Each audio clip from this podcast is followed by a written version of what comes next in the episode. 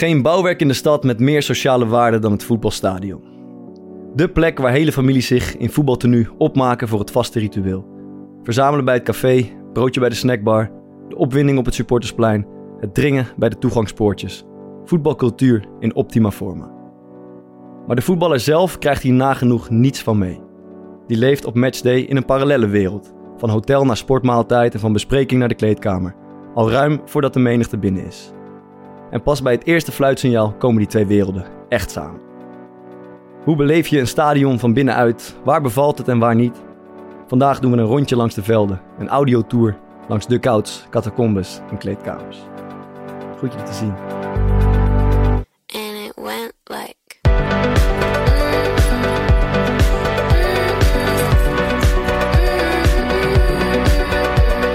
Nog in de fontein gedoken, Thomas? Hij vroeg of ik Thomas Verhaar was. Ik weet niet eens wie dat is. Maar dat is helemaal niet waar. Ja, dat kan toch eigenlijk niet? Dat slaat er nergens op. slaat helemaal nergens op. Ik heb zelden zoiets wonderlijks gehoord. Ja, hou eens op man. Einde bericht. dat is een raar gesprekje. Het moet gewoon klaar zijn. Ik ben klaar nu.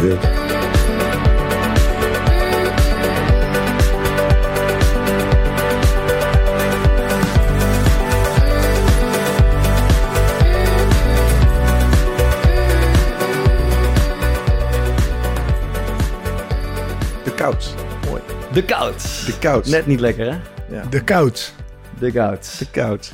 Had ik kunnen zeggen. Zo, Fokker Bruine Kop. Ik heb lekker in het zonnetje gezeten. Lekker man. Ik zie Vaar een beetje, een beetje, toch een beetje eh, jaloers kijken. Nee, ik ben niet jaloers. Ik hou niet zo van in de zon zitten, man. Nee? Nee. Heb je- Dat, dat vroeg me dus ook af. Heb jij, heb je al vakantieplannen? Eh, ja, we gaan met de auto eh, richting eh, Frankrijk. En eh, we gaan eh, één week sowieso in, het huis van een vriend van me, met eh, hem ook erbij en eh, zijn vriendin. En, de- en de tweede week eh, is nog eh, onduidelijk wat we gaan doen. ik moet het regelen, dus ja. Lig je dan wel eens op zijn zonnebedje? Een beetje zo dat witte bosje ingesmeerd? En dan, Nee, eh, ja, heel weinig. Heel weinig. Dan Ik, ik hou echt niet zo ik van de zon. ik heb één vriend die dat ook heeft. We waren met z'n vijf waren we in Ibiza of in Barcelona. Zaten, lagen er vier van de vijf lekker op het strand te voetballen. Ging de ander 100 meter verderop in de schaduw zitten. Ben jij dat Ja. ook? Die houdt Ja. gewoon niet van de zon. Ja, ik dat ben, ik ben ook niet zo'n fan. Ja, ik vind het wel lekker soms in de zon te zitten, maar eh, ik word daar best wel eh, ongemakkelijk van, man, als ik zo lang eh, in een brandende zon zit. Ik hou ook niet echt van het strand. Ik vind het zand kut. Dat, dat je zeg maar, dat je, dat je, eh, dat je naar huis gaat En dat je voet Oh, even... oh, dat we- dat, dat, en dat je dan thuis komt en dat er overal nog zand zit. Ik vind het best wel kut, man. Wordt, Ja, wordt lastige vakantie. Ik zit te denken ja wat nee, je het is heel doen. moeilijk om met mij eh, op Ja. vakantie te gaan. Maar daarom hou ik ook niet zo van vakanties. Als iemand een tip heeft waar Van Hart dan heen kan gaan. Ja, eh, Barcelona. Ja, het. daar heb je ook strand. Oké. Ehm, ja, we krijgen nog wel eens het verwijt, het lichte verwijt, dat we te veel een Feyenoord georiënteerde podcast zijn. Dat is mijn schuld, denk ik. Dat is voor een groot deel jouw schuld. Fokkert een beetje. Ook een Ja, beetje. Fokkert heeft Fokkert heel heeft veel Feyenoord verhalen over. Ja. over ja. hij heeft ook fijn het Klopt. hoofd, ja. Jij bent tegen, het tegenovergestelde van eh, Jan Joost ik, heb, ik heb een Feyenoord hoofd. Maar, Het tegenovergestelde hoofd van Jan Joost. Want ik heb zo'n soort havenhaar bij zijn hoofd. Wat is het dan? maar toch even, ja, we konden het toch niet... Zeker toen je bij Heerenveen speelde met dat kapsel. Met militaire kapsel. Ja, Ja, denk je wel Feyenoord. Ja. We kunnen toch even niet omheen om heel even nog de, de Feyenoord-podcast uit te hangen. Want het kampioenschap was natuurlijk afgelopen week. Eh heb je nog in de fontein gedoken, Thomas? Nee, ik ben niet in de fontein. eh. Heb je ooit in je leven in die fontein gedoken? Zeker. Vroeger na het stappen ging ik... Ging Maar eh, Dat had niets met Feyenoord te maken. Nee, nee, ik ben een, in 2002 was ik een groot Feyenoord-fan en toen wonnen ze de UEFA Cup. Ja, toen, toen was Pim Fortuyn net vermoord Mhm. daarvoor, dus toen was geen huldiging. Uh, zwom er niemand in de fontein, behalve dan eh, dat er redden waren daar zo. Mhm. En in 1999 was ik nog niet oud genoeg. En in 2017 speelde ik bij Sparta, waren we in, eh, in Deventer. Ja. Konden, we, konden we het niet vieren in Rotterdam, omdat Mhm. de hele stad was eh, drooggelegd. En, eh, en nu eh, was, ik, was ik wel bij. Maar ja, ik heb niet in de Ben, je- ben je wel naar de huldiging geweest? Eh, op, de Koolsingel? Mhm. Nee, nee, ik was gewoon bij Excelsior aan het werk. Ik ben bij de wedstrijd geweest in de Kuip, dat was wel, Ah, dat was wel tof. Dat was wel mooi om een keer mee te maken. Vet. Heb jij, heb jij een beetje naar die, zeg maar, het kampioensfeest gekeken? Of Ja, naar de wedstrijd zelf en Ik zeg heb maar de daarna op het wedstrijd veld? gekeken en wat er daarna gebeurde op het veld, ja. Nou, daar wil, daar wil ik nog wel wat over zeggen. Nou, dat wil ik horen. Eh, want, want dat fenomeen kennen jullie ongetwijfeld ook. Ja. Want jij, ben, jij bent ook wel eens. eh, Jij gaat nu hetzelfde zeggen als ik, denk ik. Ja, en eh, jij bent eens een keer kampioen geworden Ja. met VVV. Ik, ik met Sparta. En het fenomeen, zeg maar, dat spelers waarvan je denkt... Die hebben niet zo gek veel aandeel gehad in, eh, in dat hele kampioenschap. Oh, dat Maar van- ik zie ze toch iedere keer weer vooraan staan. Dat vind ik toch zo bijzonder. En wie, wie was dat deze keer? Hè? Ja, ik heb niet zo... Je, je moet maar gewoon gaan kijken en dan zie je het vanzelf. Maar er zijn één of twee spelers die er jou zijn opgevallen- altijd wel... Maar dat hebben we toen bij Sparta ook gehad. Wie was bij Sparta? Eh, nee, daar ga ik... Eh, de- gewoon Ah, joh, ook, Zeg gewoon als je A ben je ook bezig. Nee, kijk, dan, dan, dan was- bij, bij Sparta kan ik me nog herinneren dat zeg maar op het moment dat, dat we, wij werden toen gehuldigd, diezelfde avond nog op, eh, op het kasteel, zeg maar, in, in het kasteel. En dat op het moment dat, dat Michel die, eh, Ja, ja. eh, die schaal omhoog doet, Oh, dan ja. weet je, dat is het moment waarop alle foto's gemaakt Ja, ja, ja, precies. Ja. Nou ja, dus ga die foto's maar gewoon kijken. En je ziet gewoon Ik, een heb er, aantal zit- ik heb erop zitten letten. Je ziet gewoon een aantal spelers staan eh, die, die gewoon, denk ik, nul minuten hebben gemaakt. Dat is Ja. Bij Sparta toen. En nu bij... En die staan helemaal vooraan, zeg maar, net om Michel een beetje heen. Of... ja. Ik heb, er, eh, Ja, ik heb daar dan- specifiek op zitten Dan vraag letten. ik me af of dat nou bewust Maar is. was het... Of omdat het is, dat kan ook, hè. Dat, dat spelers zich gewoon verliezen in hun enthousiasme. En Nee, dan, eh, daar is over nagedacht, man. Die weten dat die foto's voor de eeuwigheid.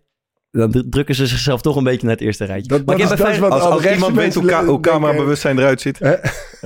maar ik heb bij Feyenoord wel, ik heb erop zitten letten, want het valt mij ook altijd op. En het, ik had wel het idee dat er een soort van hiërarchie daar was. Ja, dat dus was- ik zag ja, toch een beetje Kukju, Geertruida, Bijlo. eh Bijlo, misschien Jiménez. Jiménez, Hansko, een beetje. Ik ga, Trauner, Hansko stond helemaal achteraan. Oké, Trauner misschien op de eerste rij ergens. Ik heb geen jeugdspeler daar gezien, volgens mij. Maar we kunnen de foto erop eh op nakijken. Weet je, weet, je- weet je wat mij direct opviel? Eh, op een gegeven moment gaan ze die eh, Arne Slot Jonassen. Ja. En dan, eh, hij krijgt een beetje bier en zo over zich heen gegooid. En dan zelfs bij hem zie je daar dan gewoon... Uh, Geertruiden was in dit geval, die hem zo bakkas aan het geven. Oh ja? Weet je aan wie ik toen moest denken? eh, toen ik dat zag? Aan eh, Don Leo Ja. en eh, Paul Bosveld. Wat dan? Ja, het schijnt dat Paul Bosveld, zeg maar, toen ze Don Leo gingen, gingen, gingen Jonassen, dat hij zo van onder, zeg maar, zo zijn zak heeft vastgepakt. en dat Don Leo echt maanden niet tegen hem heeft gepraat. Oh, wat ziek. Maar v- v- volgens voor de mensen die Ja, geen kijk, straat afspreken van zijn bakka in een... Gewoon zo'n tik op iemands hoofd, op En je achterhoofd. En Arne Slot kreeg een tik of zo. Ja, maar, maar dat is toch zo'n dingetje... Van Als, Geertruida. ja, dus als, als, als, als iemand gescoord heeft, Ja, dan zie je ja. dat toch ook. Zijn juichen en dan is iemand blij en dan zit hij een beetje zo in die meute. eh, zijn ze aan het juichen en dan ineens uit een soort van onverwachte hoek, pats, op zijn achterhoofd. Ja, ja, ja. Ja. En soms gaat het ook net iets hard. En ik zag nu dus zelfs dat ze het bij Arne Slot deden. Maar ook ehm, bij, bij teamfoto's gebeurt het altijd. Als je met z'n allen op die rijtje staat eh, Ja. te wachten. Ehm, maar nu, toen ze op die schaal stond te wachten, deed ook iemand... Want Gertruiden stond daar vooraan. En toen zag je ook eentje op pad op zijn achterhoofd. en dan zie je hem naar voren blijven kijken... en dan een beetje zo met zijn hand dat dan weghalen. Ja. Ik vind dat... Ik weet niet, dat blijft toch zo bijzonder... dat dat altijd, eh, altijd gebeurt. Mooi. Ehm, De teamfoto bakken. Die is goed, hè? moeten we nog iets over Ajax zeggen om, om het recht te trekken? Jaxi. Jaxi. Jaxi ook een hele mooie. Ja, een rijke historie ook, hè. Echt, gew- echt geweldig. La Pulga zal eh, tevreden zijn met ons. Ja, eindelijk. eindelijk. Ehm. Ja, iemand nog iets kwijt? Hi. Eh, nee. Jij? Nou, ik ben eh, weer een beetje op de sentimentele tour gegaan de laatste tijd. Dus dan zit ik, eh, weet je, ben ik s'avonds, kom ik terug van de training en dan ben ik alleen de Glies al te slapen. Weet je, ben ik een beetje gevoelig, dus ik was wat dingen aan het opzoeken en ik stuitte op een gegeven moment. Ik heb de laatste tijd best veel gekeken en gelezen over de dood en over rouwen. Eh is in één keer een hele omslag dit.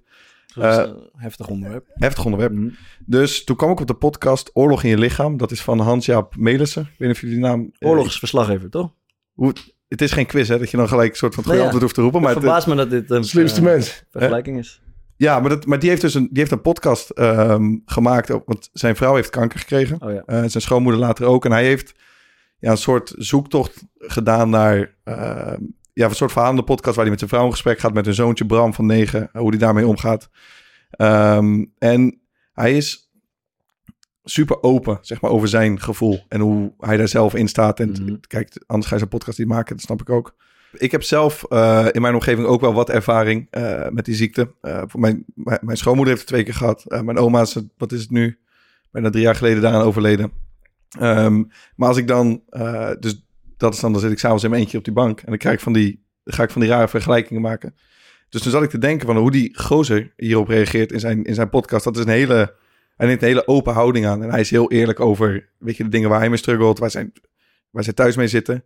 Ehm, en toen kwam ik tot de conclusie dat dat ehm, niet echt een soort van standaard mannelijke reactie is, volgens mij. En helemaal als ik het vergelijk met met de voetbalwereld, met jongens een beetje in onze leeftijdsgroep. Ehm, als je moeilijk nieuws krijgt, iemand brengt vervelend nieuws, dan kunnen wij, kunnen daar niet mee omgaan. Dus wat er in mijn hoofd eh, omging, is dat ik vraag me af of jullie dat ook herkennen. Dat mannen gewoon als je slecht nieuws krijgt, dat je gelijk in een soort van houding schiet van, dit is heel erg, maar bij mij is het prima. En het is vooral heel erg voor andere mensen.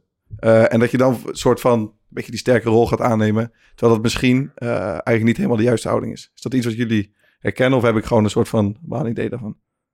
Ehm, nou, ik weet niet of ik, of ik het per se bij mezelf herken. Ik, ik, ik weet wel dat ik heel slecht in ben, zeg maar. Dat ik niet zo goed weet wat ik dan moet zeggen. En, eh, en dan eh, maar liever, zeg maar, eh, gewoon...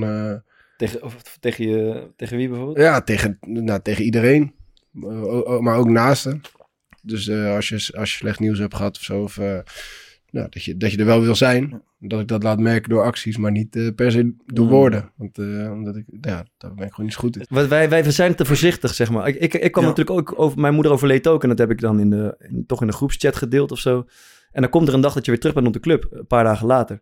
En het is niet... Ja, je wil zelf ook niet dat iedereen zeg maar, jou helemaal in het centrum staat... Ja. en je arm om je heen slaat. Maar ja, mensen lijken het ook niet echt te durven van... hey, hoe is het met je? Of, wat, of weet je wat kut? Ja. Of, of, of misschien één keer en daarna gaan we over tot de orde van de dag. En dat is, dat is oké hoor. Dat is helemaal niet erg.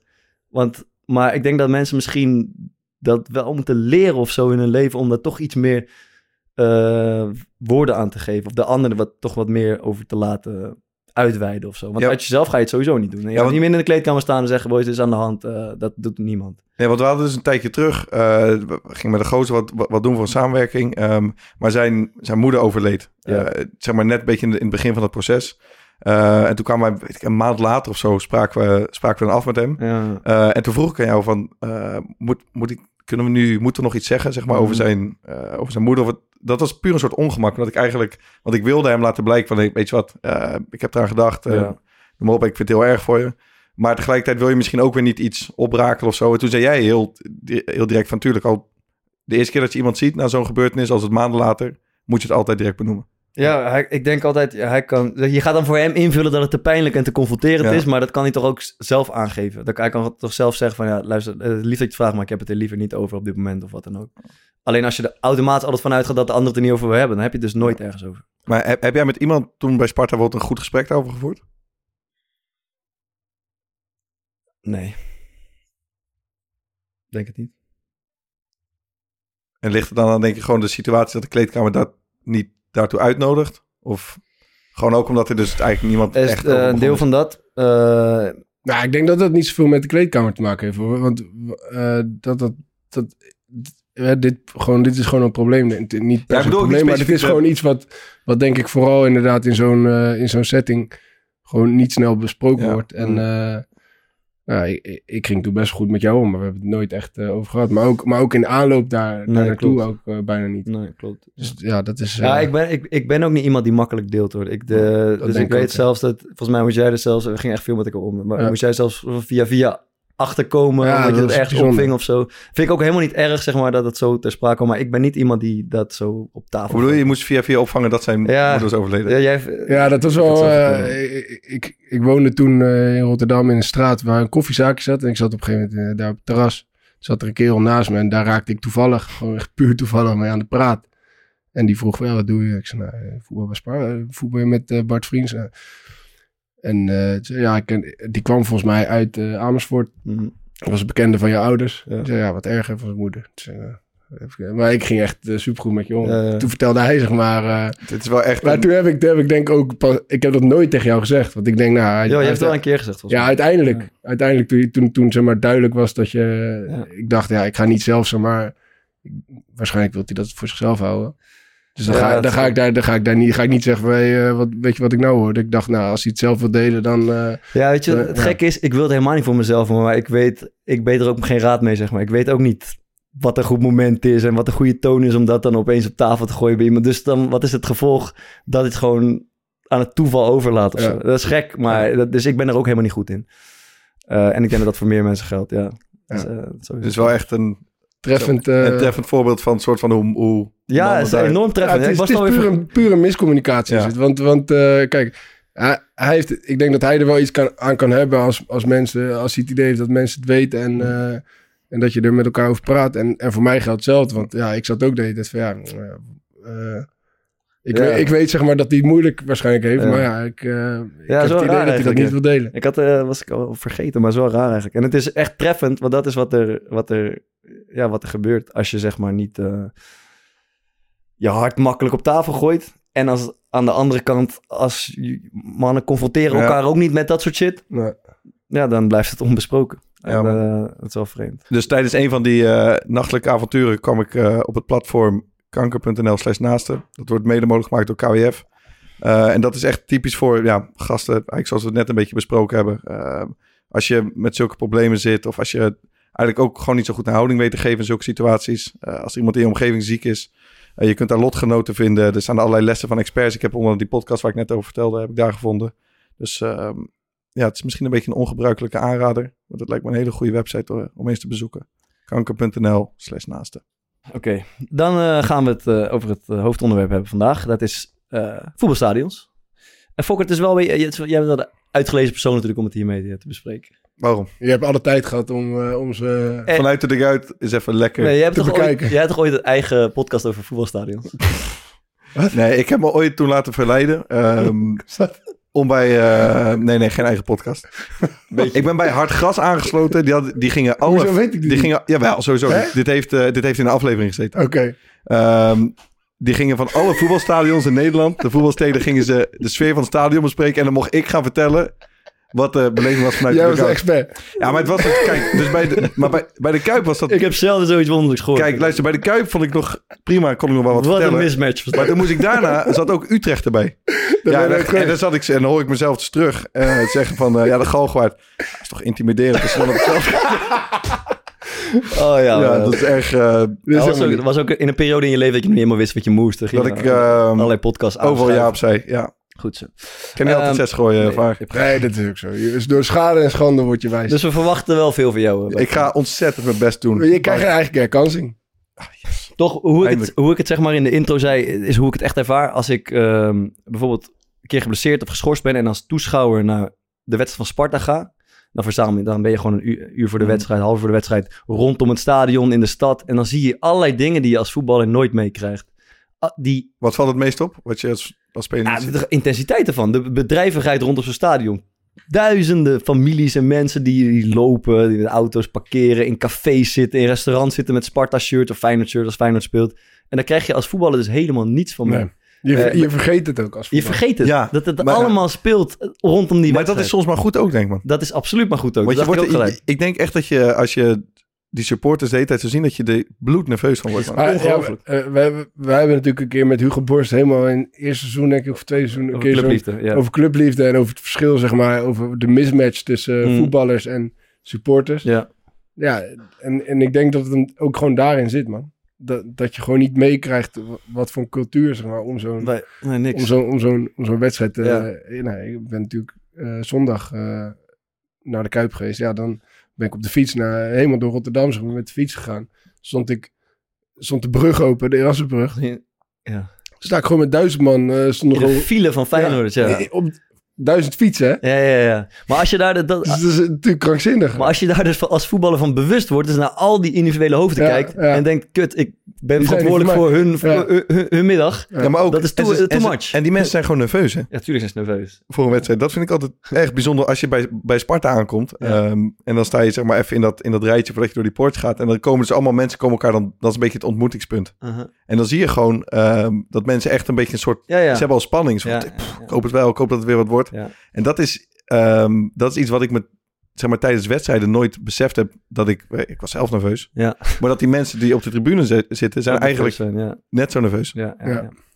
Dus dat is eh, goed. Ja, wij, wij voetballers liggen dan op een yogamatje ergens of te fietsen of, of eh, bespreking te houden. Candy Crush spelen. En in die tijd staan er gewoon rijen, Rijen van van honderden mensen, Ja. voor, voor toegangspoortjes. En, eh, Is maar goed ook Ja. dat je dat niet ziet. Ehm, dan laten we gewoon, we gaan een beetje chronologisch zo kijken van wat ons perspectief is. En dat begint denk ik met eh, als je Ja, uitspeelt. ik, ik had trouwens wel, eh, ik had nog wel iets moois. Eh, ik, ik, ik was dus bij Feyenoord. En, eh, en, en dan zie ik bedoel, ik ben niet een bizar bekende Nederlander, maar ik Mm. zie wel, zeg maar, je ziet wel wanneer iemand je een beetje herkent. En vrij bekende Nederland. Nee, nee, nee. Nee, maar het, het, het- het mooie moet nog komen. Dus ik zie op een gegeven moment zo'n groepje van gasten. En dan zie je, zeg maar, eh, zie je ze elkaar zo aantikken. En, eh, en ik stond in de rij om, om drinken te halen. Ik was, ik was met mijn moeder. En er stond een kerel voor me. Ook een beetje studentico's-achtige kerel. En er komt op een gegeven moment zo'n gozer langs. En het was best wel een, eh, best wel een duistere, duistere gast. En die, en die zegt zo tegen die gozer, zegt hij iets. En ik hoor niet wat hij zegt, ik hoor alleen mijn naam. Mhm. Wat hoor dan? Thomas Vaar. En echt tot vier keer toe hoor ik mijn naam. En, eh, en, en dat zegt hij tegen die gozer die voor mij in de rij staat. En die, en die kerel, en die hebben een soort van gesprekje en die kerel loopt weer weg. En eh, dus ja, die loopt weer weg en die kerel die staat voor me. Dus ik, ik denk, ja, ik ga het toch even vragen. Zeg, wat, wat, zegt die gozer net tegen je? Ja, ja. Ja, hij, hij vroeg of ik Thomas Verhaar was. Hij zegt, ik weet niet eens wie dat is. Nee. ik zeg, ja, dat ben ik. Hij zegt, hoezo, hoezo vraagt hij aan mij? Of, of, eh, ik zeg, ja, ik zou het niet weten. En jullie leken ook op elkaar. Ja. Zag je de vergelijking? Nee, we leken totaal niet op elkaar. dat is een raar Maar- gesprek. ja. Maar waarschijnlijk hebben zijn ma hij weet niet hoe ik eruit zie. Ah. Zijn maat hebben tegen hem Ah. gezegd, hey, dat is Thomas Thomas. Vaar, dat is Ja. een Spartaan. Want hij zei, ja, dat, eh, Thomas Vaar, hij zei, ja, ik, hij dacht dat ik een Spartaan was. Ah, ze heeft de verkeerde, heeft de verkeerde aangesproken. Dit zou je altijd Ja. doen. Ja, nou, ik stond er gewoon achter en uiteindelijk eh, niks gebeurd. Ook dat gebeurt in de stadions, Ja. waar wij niks van meekrijgen. Mooi, dan eh, ja, laten we gewoon een beetje zo chronologisch doorlopen vanuit het, eh, het perspectief van de speler. En dat begint als je uitspeelt, zeg maar, denk ik in de spelersbus die aankomt rijden in het stadion. Wat neem je eigenlijk mee de bus in? Qua Heb, heb, heb, spullen. heb jij een rugtas? Heb je een... Ik heb een rugtas. Wat zit erin? Eh, Zijn laptop. zelfs als ik op kunstgras speel, neem ik ook nog ijzeren noppen mee. Maar die zitten in je rug. ja, ja. Zitten zo- al jouw voetbalspullen in je alles rugtas? zit erin. Eh, ja, de schemerschermers. eh, Maar dat is nee, niet, nee, niet dat alle is- spullen. dat dat gewoon laatste jaren, toch? Maar, maar dat is gewoon jouw voetbaltas. Dus jij neemt geen losse tas mee meer in de... Nee, maar ik heb bijna niks. Ik heb voetbalschoenen, schemerschermers en slippers Mhm. eh, en een, een, boekie, een boekie of een toilettas. Gucci. bij me. Louis Vuitton. Eh that's it, denk ik. Jij je iPadje? Nu, ja. ja. Nu heb ik een rugzak bij me met iPad, met zo'n eh, walkie-talkie. Eh, De walkie-talkie. toch? ja, de walkie-talkie in. Heb je ze En, allebei eh, of heeft die andere al zijn eigen walkie-talkie? Nee, nee. We zijn met z'n drieën. Dus ik, Marco Gentile en Ronald Graafland... die staan tijdens de wedstrijd in, in contact met elkaar. Marco die zit naast mij. En wij hebben contact met Ronald. Die zit, die zit op de bank. heb je ook, heb, heb je, zeg maar, een, eindig je iedere zin met over? nou, als we, in een, eh, als we voorstaan en we, en we kunnen niet meer Als je verliezen... 2-0 voor staat. Dan, dan, dan wil het nog wel eens gebeuren. Einde bericht. Oké, maar eh, even kijken, die spelersbus. De, er is ook een... Zeg maar, altijd- je ziet altijd beelden op tv dat spelers de bus uitstappen, toch?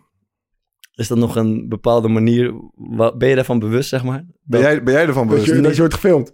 Ja, ja. Ja, sowieso, het, is toch net an- het is toch anders dan dat je de stadbus uitstapt. Want er Ja. staan allemaal camera's en mensen bu- buiten. Fle- flesje water in de hand. Doe je flesje water in de hand? Ziet er gezond uit.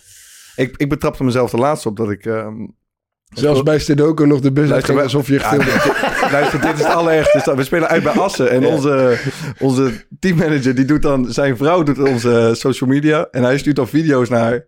Maar hij filmt... ah, Dus die, eh, eh, onze tweede keeper doet vaak even een dutje in de bus. Dus hij filmt dan hem, terwijl hij dan met, gewoon met zijn mond open ligt te slapen. Dat, komt dan, dat zie je dan terug op die Instagram. Maar dus hij staat te filmen buiten bij de, bij de bus. En dan merk ik toch dat ik even kijk of mijn, doe ik mijn lipje van mijn schoen recht. Ja. Ik even die broek zo'n beetje omhoog, dat mijn sokken goed zitten. Knipoogje. Ja, dat kan toch eigenlijk niet? Dat staat toch nergens op. Hoe, sta- hoe stapt de, de profvoetballer uit de bus doorgaans? Toilettasje onder de arm, Ja. zou ik zeggen. Aan de- Te- aan de- telefoon in de hand. Aan de kant van de camera ook die toilettas? Oeh, weet niet of dat bewust is. Sowieso niet de camera inkijken. Nee, nee, altijd wegkijken. Ja, ja, altijd wegkijken. Ja. Serieuze blik, Serieus blik. koptelefoontje. Beach by Dre, dat is een beetje, dat is een Dat beetje wel af- een beetje- aan het ja. aflopen. Hè? Goed, nou dat. Ehm, hoe, hoe, stap jij uit de bus dan? eh, ja, een handje door mijn haar. Voordat ik de bus Een uitstap. beetje nonchalant doen? Ja, nonchalant. E- Expres Bij- wel lachen? bij- Bij, bij ons, dat is wel Ik ga wel dat gesprek, aan met, als er staan soms ook kinderen, zeg maar. Sommige jongens lopen er straal langs heen. Dat doe ik niet echt, denk ik. Ik ga wel Wij, heel hebben, even praten. wij hebben een soort ongeschreven regel dat we eerst de hoofdtrainer eh Oh ja? eruit laten. En die weet het zelf ook. Is dat een- ja, ik, wij blijven gewoon zitten. Ja, jullie En, als staf doen Ja, dat? Of de ja. spelers ook? Nee, als staf. Oké. En Dus, gewoon, dus, eh, ja, de spelers die stappen meestal in het midden uit. En eh, wij aan de voorkant, Mhm. omdat wij voorin zitten. Ja, dan eh, laten we hem eerst eruit. en is dat, is dat zeg maar iets wat hij leuk vindt of is het meer om een beetje te Ik, nakken? ik, ik, ik denk niet dat het, dat het hem heel veel uitmaakt. Maar ik, het is gewoon, eh, ja... Ik een onderling geintje. Ik, het is niet eens een geintje. Het is gewoon, eh, ja, die camera staat er. Dan, dan is het ook, zeg maar, eh, ook hij, hij is de, de gaffer, zeg maar. de gaff. De gaffer. Ja, dat is eh Brits, toch? Ja, we- hoofdtrainer. Hebben we toch ook iets als je, zeg maar, die hele busrit, ik zit ook te kaarten en zo. Dat maakt allemaal niks uit. Maar dan op een gegeven moment komt dat stadion in beeld. Dat doet mij altijd wel iets. Ik weet niet of jullie dat herkennen. Maar dan begint toch een beetje de spanning te komen. Zeker als je bijvoorbeeld bij de arena, dat is, dat is een groot ding. Mm. Je rijdt ook in de arena met de bus. Dus rij je zo die soort van parkeergarage in. En dan stop je ergens helemaal in, in het, in het hart van het stadion. Eh, ja, maar de arena, volgens mij, kom helemaal rond. Ja. heb ik ook nooit begrepen dat je bij de arena, zeg maar, eh, het, het stadion ingaat op de plek waar je juist niet moet zijn. dus, eh, logistiek niet En, handig en gedaan. het is ook niet, zeg maar, dat het heel, heel makkelijk is voor die chauffeur om Nee, daar even een klopt. rondje te Eindeloos te rijden. prikken daar. Ja. Ja, klopt, ja. Ja, dat, Maar ik krijg al er, altijd... zit een- daar ook, ja, er zit een, dat één bocht daar in de arena. Die kan hij niet nemen. zon- Die kan hij niet direct nemen. Dan moet hij, dan moet hij zeg maar, drie keer heen en weer voordat hij er doorheen kan. Dit is waar de mensen op zitten te wachten. Dit is inside info. er is een rare bocht in de arena. Ja, klopt. Bij Go Ja, Ahead daar hebben ze Eagles, niet goed over nagedacht. bij Go Eagles uit Oh, is het ook is- onmogelijk. Die is ook bizar. ja. Dan kunnen Dan- ze die, die bocht niet nemen. Dan kom je, dan Ja, kom maar je, dat zetten we toch gewoon buiten het hek soms? Ja, omdat ze de, de bocht niet durven te maken. dan, nee, dan, dan kom je daarachter toch? ja, bij het trainingsveld kom je daar aan. Ja. Loopt Bij die, bij die achtertuinen van die huizen, daar Ja, kom ja, je ja, ja, aan de- ja, aan de ja. achter- Dat heb ik ook nooit begrepen. de Vetkampstraat. Terwijl, terwijl aan de andere kant lijkt alsof je gewoon zeg maar erin kan rijden. ik, ik, weet, ik, weet, ik heb het antwoord ook. Ik heb acht jaar gespeeld. Dit hebben ze bij, Eind, bij, bij Eindhoven ook, man. Heb je dat wel eens verteld? Nee. Daar heb, ik, daar heb ik de spelersbus van Telstar een keer kapot gereden. Omdat ik, ik was te laat voor een wedstrijd. Jij bij- zelf dat Ja, gedaan? ik ging bij Branko van de Bomen kijken. Ja. En ik dacht, maar ik was te laat, zoals altijd tijdsoptimist. En toen moest ik zo'n zo'n bocht maken. Maar die spelersbus past daar dus niet op het eh, parkeerterrein. Dus Ja. die stond in die weg. En ik denk, ik pas hier wel langs. Dus ik draai hem zo erin, hoor je zo. Zat ik, En? ja, volgende ding. En? Snel weggereden. Ja, was ik eerst, was ik eerst weggereden. Eerst kijken. Ja, ik, luister, ik was weg. Ik had stress, jongen. Niet normaal. Heb ik die, maar weet je, bij Eindhoven zit dat zwembad en zo erbij. Er zit zo'n Ja, soort ja. sportpark. Heb ik hem ergens op zo'n grasveldje gezet. Nou, natuurlijk ongelooflijke kras en deuk op die auto. En, toen, en eerst, mijn eerste reactie was, ja, ik, ik heb het niet gedaan. Niks gebeurd. Maar toen liep ik terug en toen zag ik dus politie erbij staan, allemaal mensen. Ik dacht van, kut, zo, ik kan het, ja. Maar ik durfde Daar hebben ze me gezien. Ja, dat dacht ik ook. Straks zijn de Maar voel, camerabeelden. ja, voel, voel je dan schuldig omdat je denkt dat ze je gezien hebt? ja, Of voel je schuldig omdat je het gedaan hebt? Nee, dat eerste. maar toen heb ik uiteindelijk heb ik een mailtje Ik heb een telefoonnummer gevraagd van de directeur van, eh, van Telstar. Heb ik hem een bericht gestuurd. En ik had gewoon gezegd dat ik mijn papieren was vergeten of zo. Dus heb ik het gewoon met hun geregeld. Keurig. Zo, ik krijg gewoon stress als ik aan terugdenk, man. Pieter de Waard. Pieter de Waard heeft u gebeld.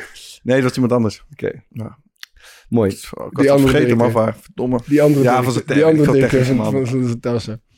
Laten we dan naar de kleedkamers gaan. En ik weet... Ik, Wat ik vind je de mooiste? nou, ik heb dus echt een hele rare afwijking. En ik, ehm, ik weet niet eens waar het door komt. Misschien wel. Ik kan me de kleedkamers bijna niet herinneren. Echt bijna niet. Ik lieg het niet eens. Van uitclubs niet. Van uitclubs. Dus als ik nu zeg SC Heerenveen. Geen idee. Ja, dat is Luister, mooi. Er zijn Ik- een paar ik- ik was- uitzonderingen. Ik was daar van de week, SCRV. En toen zei iedereen, zo, is mooi geworden, die jongens veranderd. Toen dacht ik, hè. Maar, dat is zo, toen, toen, Maar hoe kan toen, dat? toen Dat- dacht ik van, hoe zag het er dan eerst uit? En- En, toen en als- ik het gewoon niet. En als ik tegen jou zeg Groningen bijvoorbeeld, heb je enig idee hoe dat er dan uitziet, visueel? Ja, omdat ik er niet zo lang geleden ben geweest. Maar En je hebt nu als trainer misschien een ander perspectief. ja, Ik, ik, is echt raar. Ik meen het echt. Ja, maar, ik, maar jij komt daar letterlijk al, wat is het, ik heb, ben er jaar? al tien keer geweest. Ik, eh, Oké, ik kan niet, op een of andere manier die van Utrecht ken ik natuurlijk goed. Eh, eh, Ajax, PSV, Feyenoord let je wel iets beter op. Maar al die andere dingen, ik, ik, kan, ik heb geen idee. Maar- ik ben er gewoon niet mee bezig, denk ik. Ik ben gewoon met, te veel met die wedstrijd bezig dat ik de omgeving niet in me opneem. Ik heb geen idee. ook, ook daarin echt is Ajax onvoorstelbaar, weer, eh, bizar, hè? Wat dan? Ja, mooiste kleedkamer. groot- grootste, vooral de grootste kleedkamer. denk ik. Ja, Daar kan je gewoon een voetbalveld uh, aan. Ja, het is ook echt een in de mooi ruimte ding. die je hebt. Ja, ja, ja. Maar heb je, herken je iets van dit? Dat je dat... eh, Ja, nee, zeker. Maar nu-? Bij PSV bijvoorbeeld eh, kwam ik ook weer een paar weken geleden. En toen, hebben die twee ik soort van naast elkaar, toch? ja, toen dacht ik ook eh, stukje. van... ja, ik, ik wist helemaal niet meer hoe dit eruit zag. man. Over A- Ajax gesproken, je, je komt daar zeg maar al binnen in die gang. En, dan, en dat moet bewust zijn, denk ik. Dan kom je eerst een hele grote foto van Johan Cruijff tegen. Daarna heel groot Marco van Basten. Daarna Ibrahimovic. Daarna Suarez. Daarna Wesley Sneijder, geloof ik. Zeg maar, alle iconen Ja. staan je daar aan te kijken voordat je je eigen kleedkamer Dat vind betreedt. mooi, hè? Ja, ik vind dat geweldig. Ik kijk er natuurlijk naar. Maar ik, er zit, zal ook misschien strategie achter zitten van kijk ons, wat Maar een geweldige Vind, je het zijn. imponerend? Nee, ik vind het gewoon vet eigenlijk. Ja. Nee. Je gaat daar sowieso niet heen. eh, het idee van... eh, we gaan eh, een makkelijk potje. Met heel veel zelfvertrouwen. Maar goed, ehm, dus de, de Ajax mooi, duidelijk. eh Feyenoord is ook oké. Verschil is altijd tussen uit en thuis. Bij Sparta ook. De thuiskleedkamer is altijd mooier dan de uitkleedkamer. Ehm, dat is volgens mij bijna overal zo. Het, in de Eredivisie zijn ze over het algemeen denk ik allemaal wel redelijk prima, Ah, toch? Excelsior bijvoorbeeld wel Excelsior matig. matig, On- Onvoldoende zou ik zeggen. Cambuur is ook echt krap en klein, een beetje Cambuur is, amateuristisch. wel, Cambuur is wel erger dan Excelsior. Dan Cambuur heb je, ja, dan heb je altijd twee, toch? Dan Ja. weet je eigenlijk wel Oh, dat ja. het heel matig is. Weet je toch? wat kut Ja. is, ja. Ja. En verder... Want in de, in, in de KKD is het af en toe wel echt... eh, bijvoorbeeld bij, bij, bij Os zit Os. je dan... Als je, als je met een dat grote selectie bent uit bij Os. Veranderd volgens mij. Ja? Dacht ik wel. Zo, de laatste keer dat wij daar waren, dat ja, is niet toen normaal. waren ze aan het Mm. verbouwen volgens mij. Ja, dat kan wel kloppen, ja. En de laatste keer dat wij er waren, toen zaten we heel erg anders. Want toen was volgens mij corona. Toen zaten we in die andere, bij die... eh, was ik, je hebt daar ook zo'n sportschool eh, in, in dat gebouw zitten. Zaten we in kleedkamers van die sportschool. Ja, dat klopt. Ja, oké, dat was nog gek. Ja. Want daar heb je gewoon... En dat heb je dus... Het, bij, eh, bij Dordt staat volgens mij ook... Als je dan met een groep bijvoorbeeld van, weet ik veel, 20 man bent en er zit staf bij. Ik, Dat is niet te ik, doen. dat bij, was bij, misschien... bij, Dort, eh, bij Dort heb ik dus meerdere keren gehad dat ik binnenkwam. En ik dacht, godverdomme, het is warm. Dat ze gewoon die eh, verwarming Ik heb dit helemaal- 100% bij Almere ook gehad. Ja? ja, hè?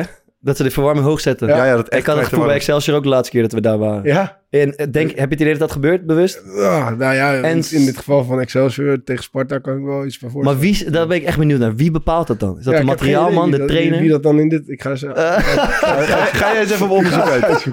Wat een teringleier. Oké, we kregen een mailtje van, eh, van iemand die had een stadiontour in Manchester gedaan. Dus bij City en United. Eh, en die, het viel hem op dat ze daar de uitploeg eh, pesten. Saboteren van de uitploeg eigenlijk. Ik lees even voor. City heeft twee ruimtes waarin spelers binnen kunnen warmlopen. Maar de gids zei, die van de tegenstander zit altijd op slot. En bij het begin van de spelerstunnel hebben de spelers van City alle ruimte om te wachten tot de scheidsrechter het veld op wil. De spelers van de tegenstander hebben bewust een heel nauw gangetje met een vervelende deur, waardoor een paar spelers voor de deur belanden en een paar spelers erachter. En als de spelers van de tegenstanders toch langs die deur gekomen zijn, dan zien ze een muur met een gigantische foto erop. Het is het beeld direct na de winnende goal die City kampioen maakte. Na een 0-2 achterstand werd het 3-2. Met die foto willen, de City-spelers vla- eh, willen ze de City-spelers vlak voordat ze het veld opgaan het gevoel geven dat ze onoverwinnelijk zijn. En dan had je bij Manchester United had je de wisselspelers van United zitten al decennia lang in het deel van de tribune dat verder van de middenlijn af ligt. Erik ten Hag denkt dat het andere deel, waar de tegenstander altijd zaten, beter is. Dus hij wilde in dat vak gaan zitten. Maar toen moesten ze alle stoelen omzetten, want de stoelen van de thuisclub eh, van United zijn verwarmd. En die van de uitclub niet. Dus dat soort dingen. Ja, maar dat is ook logisch, toch? De, dat is, dat is maar de gout, soortachtige bij, bij Manchester. Dat zit, Maar dat heb je in Nederland nergens, toch? Dat je, dat je verschillende gouts hebt. Ja, weet- ja. Je hebt er meer gezien dan, eh, dan wij, denk ik. Waar zit je echt, N- NAC zag je, eh, waar zag zit je je echt comfortabel? bijvoorbeeld? Ehm, Den Bosch vond ik altijd wel relaxed. Den- Ben jij natuurlijk nooit geweest. Nee, dan zit je heel laag. Ja, maar dat vind ik wel chill. Dat had je bij PSV Zie vroeger je ook. echt geen tering. Ja, dat hoeft toch ook niet? Nee, ja. Die eh, Formule 1 stoeltjes. Ja, bij, hey, eh, je hebt al nou twee een keer. Je ja, hebt al twee keer. Dat net ook. Lekker. Lemon. Die eh, Formule 1 stoeltjes. Ja, dat bij, is top. Bij Ajax heb je die, bij Vitesse heb je die ook. Bij Ajax zit je top. Ik vind sowieso die, eh, die setting, wat ze voor mij dat wel eens eerder gezegd, bij Ajax dat ik soort van in de, De tribune, tribune, zit. ja, en dat bij. Go Ahead hebben ze dat ook. Dat is Ja. relaxed eigenlijk, man. Ajax komt wel aan bod dit, deze uitzending. Hè? Ja, Ja, wat een gewel- Ja, echt een bij, je dat geweldige club, man. Ja, bij Feyenoord zit je ook zo laag. Zit je ook Ja, dat klopt, ja. Ja, ik vind dat persoonlijk wel relaxed, man. Een beetje, zit je een beetje afgesloten. Heb je nog meer zeg maar, ideeën gehad van dat, eh, dat je zelf gesaboteerd wordt door de uitploeg? Los van dat het tering warm is in de kleedkamer, wat echt gebeurt, denk ik. Volendam heeft ons alcohol gegeven, man, zaterdag. In de, in de Ranja. Wat? Hoe? Wat? Ja, wij krijgen gewoon zo'n kan met, ehm, ja, met, dat, met dat sap erin. Uh-huh. En ik ruik eraan. En je, je, je ruikt gewoon dat die goedkope wodka doorheen zit. En één iemand neemt een slokje. Het is gewoon niet te zuipen. Ze hebben er alcohol doorheen gegooid. Snap je dit voor? Ja, ik speelde vroeger eh, competitiemanager. En dan kon je, Ja, klopt, ja. dan kon je, dan kreeg je altijd eens, in, eens of twee keer in het seizoen kreeg je zeg maar de vraag tijdens een wedstrijd. eh, wil je dat de, dat de koffiejuffrouw eh slaapmiddel door de thee doet? Uh, En dan kon het zeg maar zijn dat je won Ja. of, eh, of dan werd je gepakt en dan kreeg je een boete. al dat geven. Altijd, ik probeer het altijd. dat proberen. Maar ik Ja. kan me niet voorstellen dat je dat Vodka. doet. Ja, weet je. Het heeft wel, het heeft wel gewerkt. Het stond 3-0 voor in de rust. Bijna weggeven nog. Maar niet verder bij de... Ja, bij, voor mijn gevoel stond bij Almere altijd de verwarming aan. Maar Mm. echt dat je gewoon binnenkwam dat het een soort sauna leek. Ja, Dat je gewoon met een beetje zo'n zo'n bonkende kop naar buiten ging. ja. Ehm, verder niet specifiek. Jij? Nee. Ik heb als in de Kuip gehad dat, dat je alleen maar, alleen maar warm water uit de kraan kwam. Dus als je, ik Hey, vind het dat- altijd lekker als ik mijn gezicht even nat kan maken, maar met warm Ja, ja, water is dat dat- niet echt Maar, het- chill. maar ik heb het idee bij, bij sommige douches wel. Dat je dan bij zo'n uitclub kwam dat het echt bizar heet was, het water. Ja, maar dat, dat heeft niet echt een functie dan. Dat is na de Nee, ja, maar alsnog, het is wel kut. Ja, dat is, ja. Ehm, dan even die, eh, de catacombe in, zeg maar. Ehm, ik moest denken aan Van Bommel, die vertelde dat geweldig verhaal over het Nederlands elftal. Dat ze in een bepaalde volgorde Ja. zo het veld opliepen in de line-up. Maar toch denk ik eigenlijk dat het bij ons ook wel gebeurt. Ik weet niet, en bij jullie misschien ook wel. Dat- Die volgorde is toch niet compleet willekeurig? Hoe je dat hoe, hoe, hoe doe jij dat dan? Ja, niet precies op dezelfde plek, maar ik sta wel altijd... Ja, als, als je aanvoerder bent, sta je vooraan. En als ik geen aanvoerder ben, sta ik zo'n plekje drie of vier of zo. Ja, ik, En nooit tien of elf. Altijd op dezelfde Maar plek. waar, waar heeft dat mee te maken? Ja, Gewoon, Iedereen gewoon, eh, voelt- Ja, gewoon, je, je bent toch ook... Je, je hecht je toch aan bepaalde... niksige dingen. Ja, Ja, Ja, voor keepers, dat, je, je, je hebt altijd zeg maar de tweede plek ja als je geen aanvoerder bent. ja. oké, ja. Maar ik, ik stond altijd achter de keeper volgens mij met Thijs Sparta. Altijd achter eh, Roy. Dat Voor- ook. Voor de gezelligheid. Ja, ik weet niet. eh, ik weet niet. Ja, je hebt ook natuurlijk die jongens die als laatste willen altijd. Roy ging toch een keer iemand groeten van de tegenpartij in de line wat niet helemaal eh, geaccepteerd werd. Nee, dat was, dat was anders. Dat was... eh, ging heel amicaal met iemand doen die helemaal, met- met Weghorst. vriend is. Ja. Hè? Met Weg, ging heel amicaal met Weghorst doen. Ja, maar dat was, dat was, dat was anders. Toen had hij... eh, Oh ja. Roy die had natuurlijk al het een en ander over hem gezegd. eh, en toen had hij twee pingels van hem gepakt, achter elkaar. Ja. En toen gingen ze in, in de rust, zeg maar, eh Onder rondje. hadden ze een onderrondje. Daar hebben we nog wel een aantal keer uitgelegd. Was je, was je, foto's van gemaakt, dat was mooi.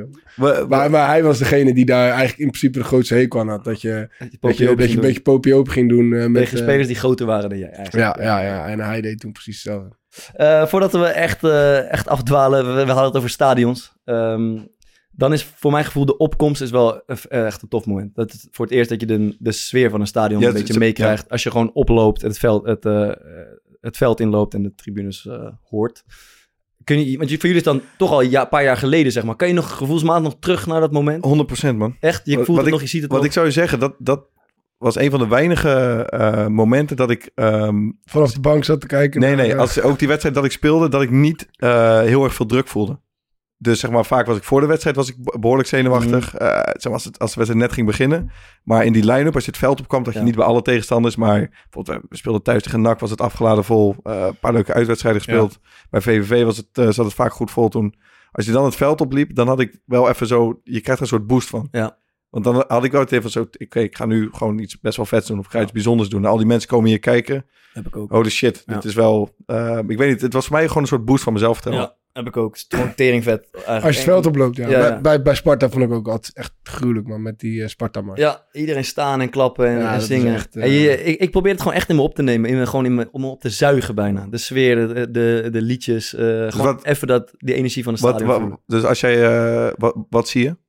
Als je zegt dat je het bewust in je opneemt. Zeg maar, wat neem je op? Wat zie je? Eh, nee, meer het geluid dan dat ik echt... Ja, ik kijk altijd even om me heen natuurlijk. Maar de- als ik gewoon, dan loop ik gewoon naar de richting eh, de, de middenlijn. Maar dan probeer ik wel gewoon het geluid in me op te nemen. En, en eh, ja, dus ja, een beetje vaag klinkt het, maar gewoon de energie van het stadion te voelen. Is het anders nog trouwens als je als aanvoerder gaat? Zeg maar als je voorop loopt? Nee, dat maakt niet zoveel Dat je als eerste soort van uit dat, eh, uit dat hokje komt? Nee, maar alleen in de Kuip is dat vet. Als die, als die klep zo open gaat en je stapt als eerste naar, naar voren, dat is, wel, dat is gigantisch. Maar verder maakt het niet uit. Zo.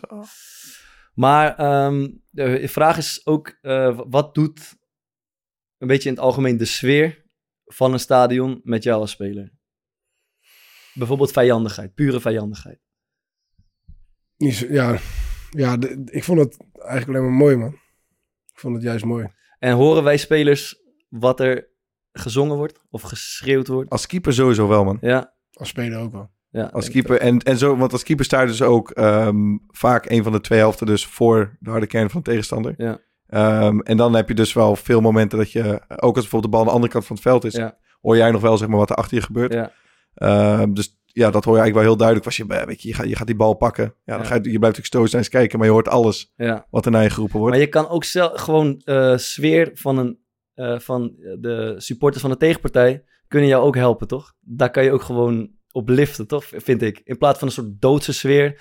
Dat doet niet zoveel met je, maar als er gewoon een is- stadion is, dan is dat niet alleen voor de thuisploeg chill, maar ook voor de uitploeg. Ik vind chill. sowieso als je, als je dat... ehm, zeg Maar, maar- maar wanneer wordt het dan niet chill, zeg maar, voor jou als... eh, ik als vind het niet chill als het stil is en dan een beetje gemokker. En ge- eh, eh, een beetje rumoerig. Dat je mensen bijna hoort zuchten, zeg maar. Dat gebeurt ook wel eens, toch? In een soort dode wedstrijd. Vooral als je eigen publiek zich een beetje zo zuchtig. Ja, dus oké, dus, als, dus als, het, als het publiek van de tegenstander bijvoorbeeld heel fel is, dan heb je ook een soort van het gevoel, is Ja. een bevestiging dat we iets goed aan het doen Ja, gewoon le- Maar ik toch- leef mee met die met die met Maar die toch, als de tegenstander zeg maar kansen krijgt of aanval Ja, dat aanval zo, zo. dan, dan word je wel zeg maar, eh, Je wordt dan, dan wordt het, ja, dan, dan wordt het kut. Ik probeer me, vroeger was hij er echt van onder de indruk. Als de- dat heb je in uitclubs, eh, bijvoorbeeld, laat ik zeggen, nak uit, ook heftig altijd. Als ze dan zeg maar in de vierde minuut vijf meter naschieten en je hoort zo, boe, hey, hey, hey, Ja. dan ga je dus heel snel denken van, holy shit, we staan gigantisch onder druk.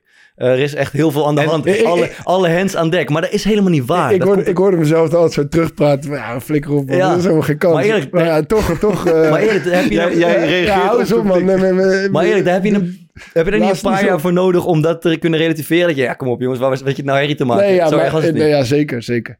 Ja, en, en, en over die muziek, zeg maar. Ik, eh, zeker op momenten dat ik echt lekker in zat, dan, eh, dan, had ik, dan had ik altijd wel muziek in mijn hoofd of zo, op een of andere manier. Maar gewoon, eh, en er waren soms ook gewoon liedjes die vanaf de, Ja, ja. vanaf de tribune kwamen. Je kan hem ook gewoon rustig een beetje meeneurien. Ja, een beetje meeneurien. Ja, en, eh, dus dat is wel, dat is wel grappig. Ja, die, die eh, Ramsdale, die keeper van, eh, van Arsenal, vertelde dat hij zich, zeg maar...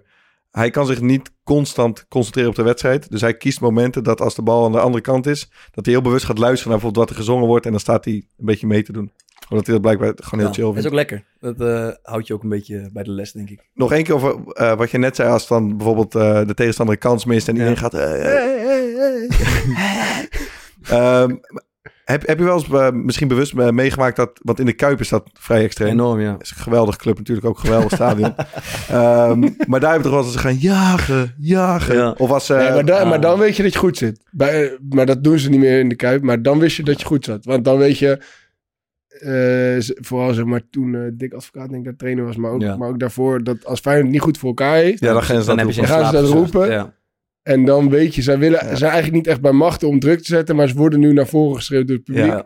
En dan, dan kan je ze eigenlijk... eh, dan heb je ze waar je ze wil hebben. En dan alsnog zal je altijd zien dat je... Want het lijkt me als... dat ze hem een keer toevallig veroveren. En, eh, en dan gaat het stadion weer erachter staan. En Want- dan ben je weer terug. Want zij hebben soms ook dat ze echt heel erg gaan opjutten als ze aan het doorjagen zijn. Of als ze aan het doorstappen zijn. Als Ja. je dan een centrale... ze hebben bal op middenveld. eh, die bal gaat terug naar achter. Die schieten, Ja. Bijvoorbeeld, ze hebben net gescoord. Ja. Ja, en het is de 1-1. En ze Ja, dat door. is anders. Zij En, en, die, en die bal gaat naar achter. Nou, waar, waar komt die bal uit? Die komt Ja, bij jou uit. En dan schiet je hem tegen die inlopende speler aan. Gaat hij uit. Gaan ze juichen. Ja. Dan, dan wordt het wel een beetje... daar eh, daar ruiken ze echt je zwakte. ja, ja. Ze ruiken je zwakte. En dan, en dan gaan ze... je- ja, dan, dan, dat is wel mooi. Maar dus het doet toch wel iets, ja. Maar ehm, we, we kregen een, een vraag voor, voor Thomas specifiek. Ah, Je moet een corner nemen bij het uitvak. Ja. Fanatiek uitvak. Ja. Wat gaat er doorheen? Ze loopt te schelden, te tieren. Eh, hij schreef erbij, vijf minuten, eh, fictief, vijf minuten daarvoor heb je een zwalbe gemaakt, penalties, ze hebben een teringhekel aan je en jij moet Ja. een corner nemen bij het uitvak. Ehm, ja, ik, normaal gesproken... Ik heb, ben, ik heb me één keer laten, eh, soort van laten provoceren. Dat was Mm. bij Telstar uit. Wauw. De, eh, dat was eh, in mijn kampioensjaar. Dat weet ik ook Door wie niet. dan? Hè? Door wie dan? Ja, dus daar, daar in die hoek zit... eh Ja, zo'n heel kleine, een kleine heel harde klein hard, hard kerntje. Geen harde kern, dat is een hard kerntje. Is dat. Maar die, ja, die riep allemaal dingen. eh, En, en waarschijnlijk omdat ze zeg maar niet zo massaal zijn, hoor je precies wat ze zeggen. Ja. En toen, een paar minuten later, scoorde ik. En toen eh, ging ik een soort van reageren naar. Deed dan? Wat is de hoofd omhoog? Wat? Ja, Zo, weg, ja, weg, ik weet niet meer Wat precies wat ik deed, maar ik weet dat ik wel me had laten opjutten door ze. En verder, eh, ja, Maar in- je moet maar- een corner nemen. Je kan me niet vertellen dat, het- dat je helemaal... Je hoort wat ze zeggen, dat het helemaal geen invloed heeft op je hoofd. Het wordt niks, het wordt niks. Wordt nou, niks. dat kan het niet. ja, ehm, weet ik niet. Ja, je- nee, ja, je hoort het sowieso. Mm. En, en je denkt wel bij jezelf van ja, eh corner moet wel goed zijn. Maar ja, bij corner is altijd man, de, dat is ja, of alles of niks was altijd bij mij. Mm. Dus ik trapte hem gewoon voor en dat ging dan wel eens goed. Het ging, ja, Maar wil je beweren dat het publiek daar helemaal geen invloed op heeft? eh, ja eigenlijk wel. En ook je thuispubliek. Dus je hebt eerst de corner Heb- laag genomen. Je hoort het gezucht. Ah, jezus, broer, kom op voor haar, schiet hoog. En, Ja. eh, dat hoor je toch? Nee, maar ja, ik wil dus wel beweren dat het publiek daar geen invloed op heeft. Want, want bijvoorbeeld als ik, en, en ik zeg niet dat het zeg maar, geloof even goed uitleggen. Nee, nee, want ze- als ik op de training een corner moet nemen en ik neem de eerste laag, dan is het net zo kut, dan is Ja. die tweede net zo kut om te nemen als, als er wel publiek zit. Dus, dat, dus ik zeg niet dat het niks met me doet, maar eh, of er nou publiek zit of niet, als je een kut corner Maar neemt, dan, wordt de neemt, tweede, dan wordt die, de, daarna wordt altijd, zeker als je corners gaat trainen en je schiet die eerste laag, dan denk je, ja, dan zie je zo Mhm. kijken van, ja, oké, dat Ja, één iedereen keer, gaat wat zeggen natuurlijk. één keer wordt geaccepteerd. Ja. Als het dan nog een keer gebeurt. Ik heb één keer gehad bij Sparta, die is ook mooi hoor. Ging, ging, dat was in het begin, toen was ik nog een beetje zo, eh, ja, vond ik dat heel mooi met het publiek, een beetje opjutten, weet je wel, daar in die hoek bij Sparta zitten die, eh die Dan ging je corner nemen en dan ging je zo... Hey, hey. Ja, liep ik naar die bal toe en dan ging ik zo, hey, hey, en dan ging De zo, het omhoog, ook ja. mooi, het was echt, was echt leuk. Maar toen had ik de bal nog niet gepakt, toen had ik dat gedaan, toen liep ik daarna naar de bal toe, toen struikelde ik over de bal. ja, Ja, dat- ja, dat is de te doen. Ja, lekker, ja. Eh, dan toch even gewoon een klassieke vraag. Welk stadion heeft indruk gemaakt op jou of ons als speler? We proberen de Kuip voor de verandering een keer niet te noemen. Ja. Ehm, ja, dat is een understatement. Dus die, eh, Oké. Ik laat- heb altijd over NAC. Vind, Ja. vind, ik- vind eh, qua sfeer en, en herrie echt mooi. Ik vond het ook bij de Graafschap bijvoorbeeld. Vind ik echt Ja. tof. Go Ahead Eagles staat buiten kijf. Echt Ja. een leuk stadion om te spelen. Ehm, en eh, Willem II kan het ook best wel leuk zijn als je een goede avond hebt. Ja. En nu jullie. Ja, ik vind Cambuur geen heel mooi stadion, Ja. maar wel heel sfeervol. Ja, ja, ik heb ja. daar ja, twee keer op de bank gezeten, dat wel. Met Cambuur Heerenveen. Dat was echt, dat was oprecht intimiderend. Omdat je ook, een deel van de harde kern zit daar. eh, je kan daar best wel makkelijk zeg maar, het veld op, als je zou Ja. willen. Eh, en die zitten dan ehm, eh, achter de goals, zeg maar, waar wij de warming-up deden. En dan was je op het eind was je aan, het, aan het afwerken. En dan was je met Joey van den Berg. En die ging dan expres gewoon alle ballen Mm, zeg maar, de ja. tribune invreven. En dat is natuurlijk wel mooi, maar je hoort... Ja, weet je, ik ben, op, ik ben dat met 19. Je hoort wel al die bedreigingen, zeg maar, alles erachter. Ja. Dus ik vond dat, dat vond ik wel... Dat was intimiderend, maar dat was echt, dat was echt tof. Ja, die, die, ja je, je hebt er wel een paar weggehaald. Natuurlijk, die van NAC is echt, vind ik echt fantastisch. Ja. Is echt eh, best wel niet zo heel groot, maar er zitten hele stijle tribunes of zo, dus ze Ja. zitten heel kort op het veld. En aan beide kanten herrie. En ik, en ik vind eh, FC Twente... Ja, de- ja, de Twente mooiste. is tof. Ja, ja, ja. En die zingen ook goed, man. Die Ja. hebben trommels en dingetjes. Ja, en Lekker het is altijd. ook best wel groot. Ja, Veel, ja. Altijd groter dan je denkt Ja. is het weer. Dan, dan kom je daar en dan denk je, tering is gewoon een echt een vet stadion. Zijn, zijn jullie in het buitenland in veel stadions geweest? Gewoon als, eh als, Ja, wel- speler. Nee, Jij wil. Zonder, zonder Nee, publiek toch? Of, het eh, mooiste stadion van binnen waar ik ooit ben geweest. Alleen, we hadden het pech dat er geen supporters aanwezig waren. Dus het was helemaal leeg. hoe bedoel je Van- binnen? Gewoon, eh, het was, was gloednieuw. De faciliteiten, gewoon alles super luxe en groot en knalgroen. Dat is de kleur van de, knip, van de club. De Eh, kleur van de club. de kneur, de kneur. De, kn- de kneur van... Broers vinden hem wel leuk, jongen. Nee, ja, klopt, man. Eh, dat, ja, verder, als supporter bedoel je toch? Zo, gaat het? Als, ja, als, eh, ja gewoon dat je naar een wedstrijd bent geweest, ja. Ehm, ja, ik, heb, ik was met jou in Colombia. In eh Zo, Medellin. Ik heb echt nog nooit zoiets meegemaakt. Ik vond het zo tering vet. De sfeer. Omdat het zo compleet anders is dan in Europa. Eh, en dat zit er vooral in, in het eindeloos zingen. Iedereen, het hele stadion zingen en springen. Ja, het valt en niet stil muziek daar. en vlaggen. Echt, echt super vet.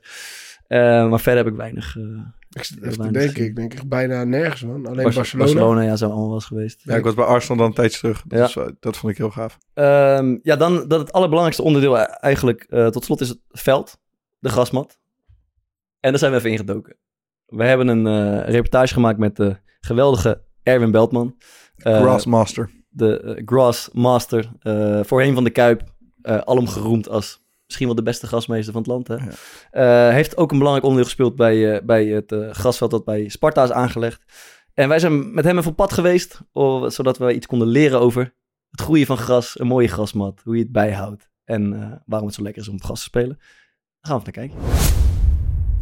Erwin, wij lopen, wij kijken net naar het veld en het eerste wat je zegt is, dit is het heilige der heiligen. Ja, dit is een stadionveld. is natuurlijk eh, prachtig. En in vergelijking wat je vorig jaar had liggen om deze tijd en wat je nu, eh, waar je nu je laatste paar wedstrijden straks op gaat voetballen, is Ja. dit wel heilig. Ja. Dus er staat hier zo'n zo'n bordje met eh, veld niet betreden. Ja. Maar ik denk, we nemen de grasmeester mee, wij gaan wel even dat veld op. ja. Ehm, maar waarom is dat eigenlijk? Waarom, waarom mogen mensen niet even af en toe eh, heel even kijken hoe dat veld erbij Nou, dat, eh, kijk, op zich moet dat wel kunnen. Alleen dan moet je een overleg doen met degene die het veld beheert. Ja. Eh, in wat voor stadion dan ook. Omdat voor hetzelfde geld hebben de jongens die dit mooi onderhouden, hebben hier net bemest. Of hebben iets gespoten. Ja. Bemesting of vloeibaar of wat dan ook. Ja. Of ze zetten misschien wel op dit moment zo de sproeiers aan. En dan staan wij zeiknat. Dat Dat zou ik doen als ik hier gewerkt zou Voor hebben. het, voor het camera zou het wel leuk zijn. Ja, natuurlijk. 100% weet je. Dus, eh, Ja, we, we kennen allemaal de, de schreeuwende grasmeester. Was jij er ook zo eentje als er iemand ongevraagd het veld op, eh opliep? ja, ja, ja. Op zich zijn we allemaal wel met eh, aardig wat passie. En we zijn natuurlijk dag en dag uit mee bezig hè, met dit. Ja. Gewoon het, eigenlijk de eerste vraag die, die bij mij binnenkomt. Wat is eigenlijk gewoon zo leuk aan gras onderhouden? Ja, het is een heel mooi plantje. Een plantje die, eh, als je die heel veel liefde geeft, ongelooflijk veel teruggeeft. En waar dan wij plezier van hebben. Kijk, als je zo naar een veld kijkt en je ziet de blokken erin staan, is dat gewoon fantastisch. Maar ja, je moet niet vergeten, jullie voetballen erop. Ja. Dus het, het idee dat jij op zondagochtend hier het veld oploopt en je moet een wedstrijd voetballen, ja, dat geeft een iets prettiger gevoel als hij er zo bij ligt als dat je op een kunstgrasveld loopt. Ja. Dat is, je hele beleving is gewoon. En wij hebben dat dagelijks.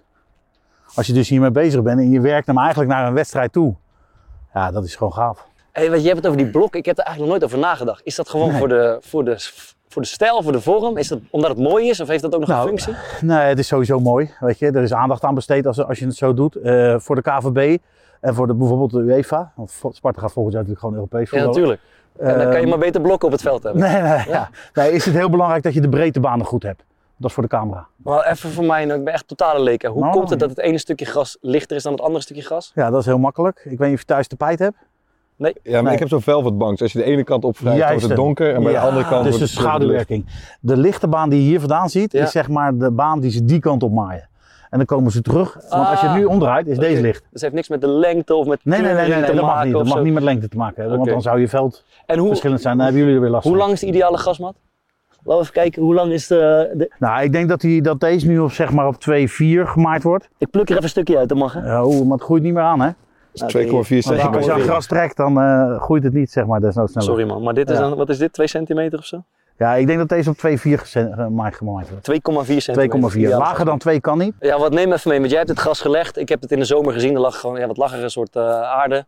Eerst Ja. kunstgras, daarna gewoon aarde. Toen heb jij, jij het gras gelegd met je bedrijf. Nou ja, Toen- toen- ja, dat is anders, maar ga door. Oké, ga, ik ga nog heel veel door. Toen gingen wij hier, moesten wij de eerste wedstrijd hier spelen. Toen was het gras echt Emmen. net af. Emmen thuis. Ja. Ik denk echt dat het, nou ja, Drieënhalve dag, vier dagen. ja, zoiets. Zo verser dan dat werk. kon niet. Dus het was een perfect veld ook echt. Nou ja, dan vra- vraag ik Nou, eigenlijk aan jou. nee. Hoe heb je dat? Want jij, het was echt zo op het punt van heel spannend van houdt het gras het of niet? Hoe zit jij er naar, naar te kijken? Ja, dan? spannend. Heel erg. En wat, waar ben je bang voor? Blessures. Dat, dat- is voor mij het belangrijkste. Gras. Van die graspriet Ja, of van ons spelers? Nee, van jullie. Oké. Ja, ja, ja. Nee, maar dat is het belangrijkste. Uh-huh. Gras is maar, eh, weet je, dat kan je vervangen. Dat is, dan kan je stukken uithalen, kan je nieuw doen. Dus- Maar als jij daar zwaar geblesseerd raakt en je mist een half seizoen, Ja. dat vind ik verschrikkelijk. Voel je dan, eh, Verantwoordelijk. Ja? Ja, natuurlijk. Ja, maar anders moet je er niet aan gaan beginnen. eh, zeg maar, je had het net over die, al die plastic grasvelden en zo. In de. Eredivisie, ja. Hoe is het eigenlijk mogelijk dat we in Nederland eh, zo'n lange periode alleen maar, of ja, echt heel veel kunstgrasvelden hebben gehad? Nou, het is uiteindelijk ooit toegelaten door, volgens mij is het Henk Kessler. Toen in die tijd zeiden ze, kunstgras komt in de buurt van natuurgras. Nou, ik heb heel veel verstand van gras. Jullie misschien wat minder, maar Mhm. zeg mij maar of het in de buurt ja, komt. dat is niet gelukt. Nee. Dat is totaal mislukt. Nee. Omdat ook onze graswereld niet stilstaat. Mhm. Dus die blijft ook doorontwikkelen. We krijgen betere graszaden, betere bemestingen, betere machines, hybride velden, eh, beter onderhoud. is, denk- die, graswereld harder gaan lopen door die ontwikkeling van kunstgras? Ja, je moest wel. Ja, precies. Dus ja, het ja, ik weet nog goed ook, dat, eh, dat we toen een meeting hadden met een paar groundsmans bij, eh, bij NAC. Ja. En eh, ja, toen hadden we het over, ja jongens, het is wel 5 voor 12 met onze grasvelden. Want ja, anders hebben we straks ook geen werk meer. hebben we niks meer. Ja.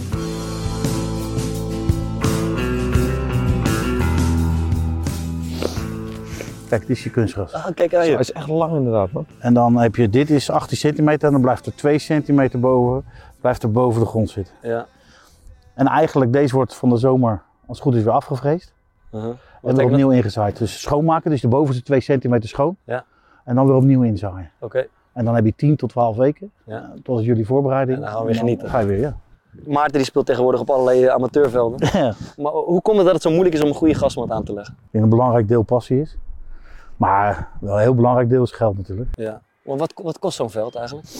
Ik denk dat je van 4 ton moet uitgaan. Maar Ja. hoeveel tijd ben je in de week gewoon bezig om een veld bijvoorbeeld weer speelklaar te krijgen voor de week erna?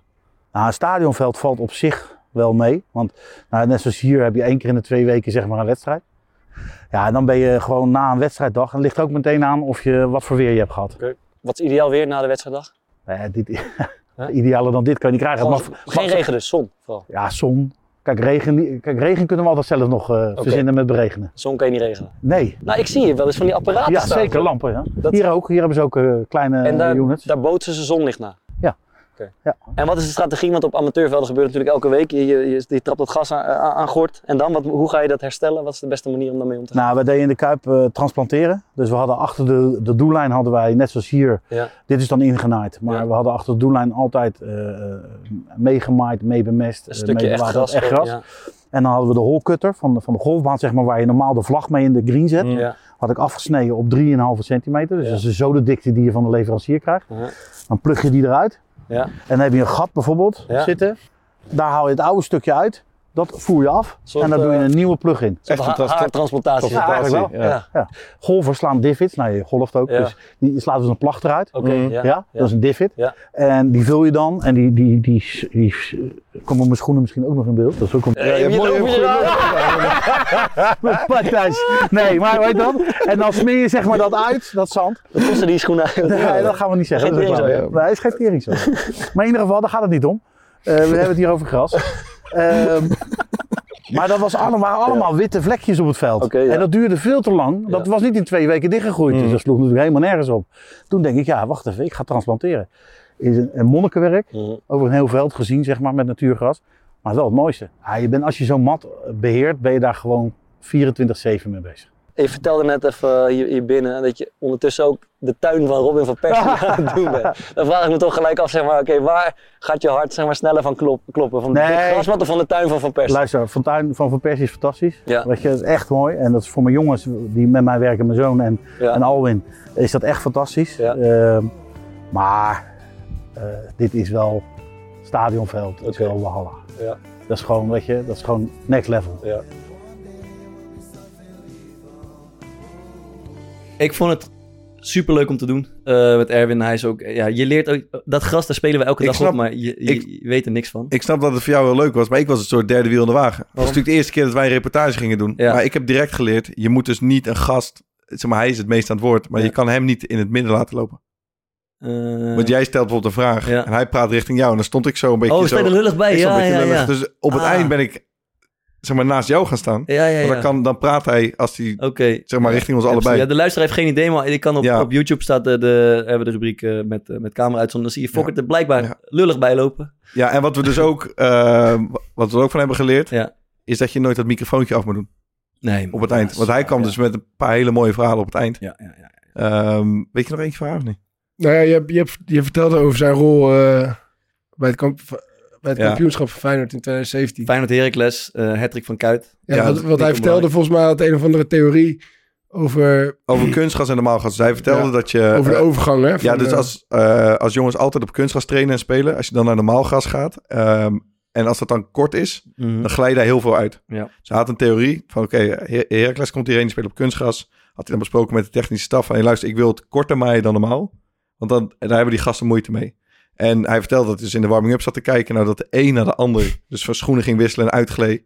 En, jawel, na een paar minuutjes was dat, was Mike de Wier. Mike de Wierik, ja. minuut. Ja, dus eigenlijk, en dat had natuurlijk in die reportage moeten zitten. Ja, Ja. En, eh, Beltman- een ingooi van een medespeler op eh Dirk Kuyt. ik weet niet meer welke medespeler dat was. Sterk, ja.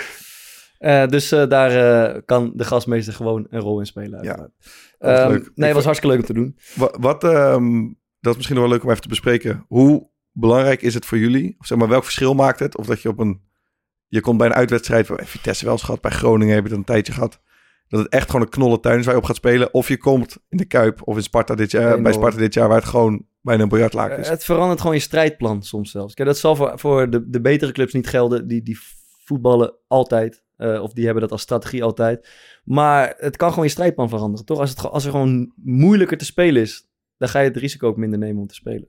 Dus Ja, ik kon me echt druk om maken, man, om, om slechte velden. Ik had, er Droog. echt, ik had er echt last van. Dus slechte kunstgrasvelden en slechte grasvelden.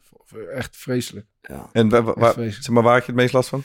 Nou ja, gewoon dat je, dat, dat je niet kan vertrouwen op wat de bal doet. En dat is gewoon in mijn geval voor mij heel belangrijk. Omdat, omdat ik veel wil kijken, ook als ik de bal heb.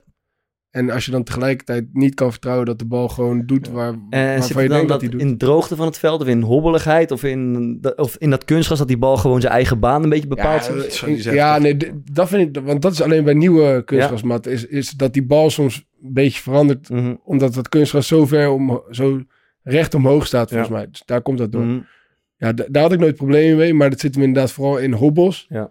Of in eh, oud kunstgras, dat je niet, dat je heel moeilijk kan inschatten van, eh, dan blijft hij hangen, dan rolt hij wel door. Ja. Dan, dat is, ja, een, st- een stroefveld is, is sowieso kutter om, om op te dribbelen. Ja. Maar ook dat oude kunstgras, of kunstgras wat net niet oud is, Dan is er één gedeelte waarop die wel doorschiet en een ander gedeelte waarop die Ja. blijft hangen. Ja, die 16 Ja, dan- meter helemaal plat. Ja, dat is echt. En, en je hebt ook die, die alleroudste matten, zeg maar, dan vertraagt. Als, als het niet ge- gesproeid is, vertraagt het heel erg. Ja. Dus dan is het te traag.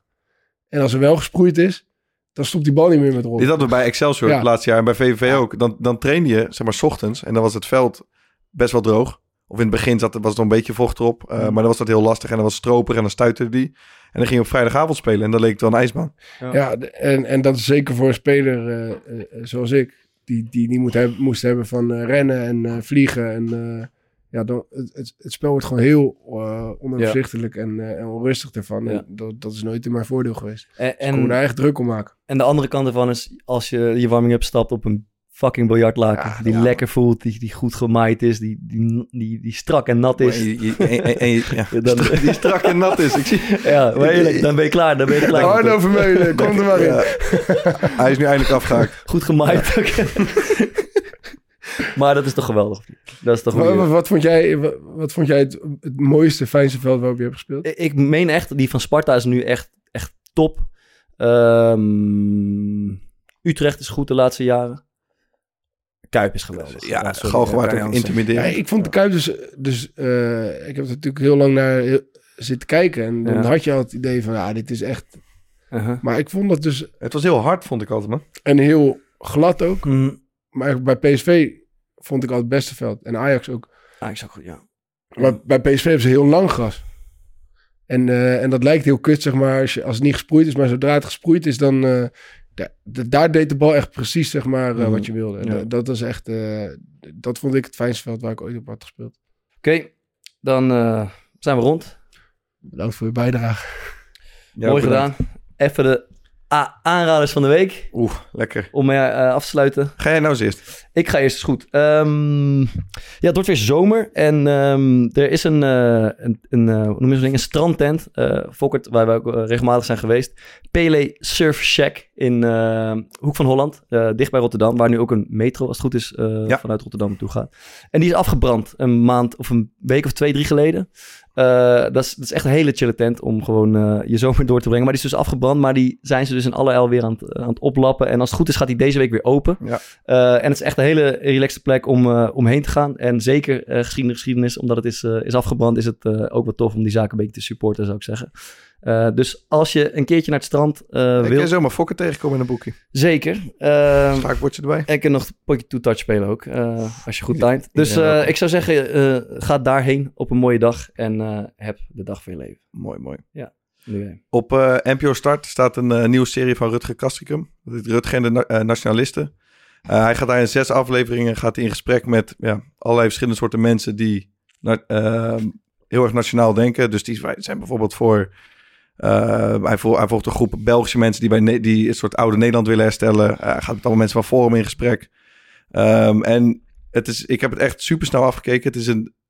Ja, ik, ik verbaas me daar toch over dat er dus gewoon best wel een aanzienlijke groep dan in Nederland is, waar ik eigenlijk dan niet echt weet van heb.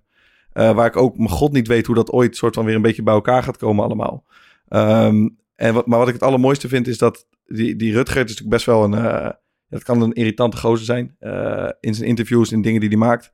Maar wat hij hier heel knap doet, en dat is sowieso bij meer van zijn programma's de laatste jaren, eh, is dat hij erin slaagt om dus die, die mensen aan het woord te laten.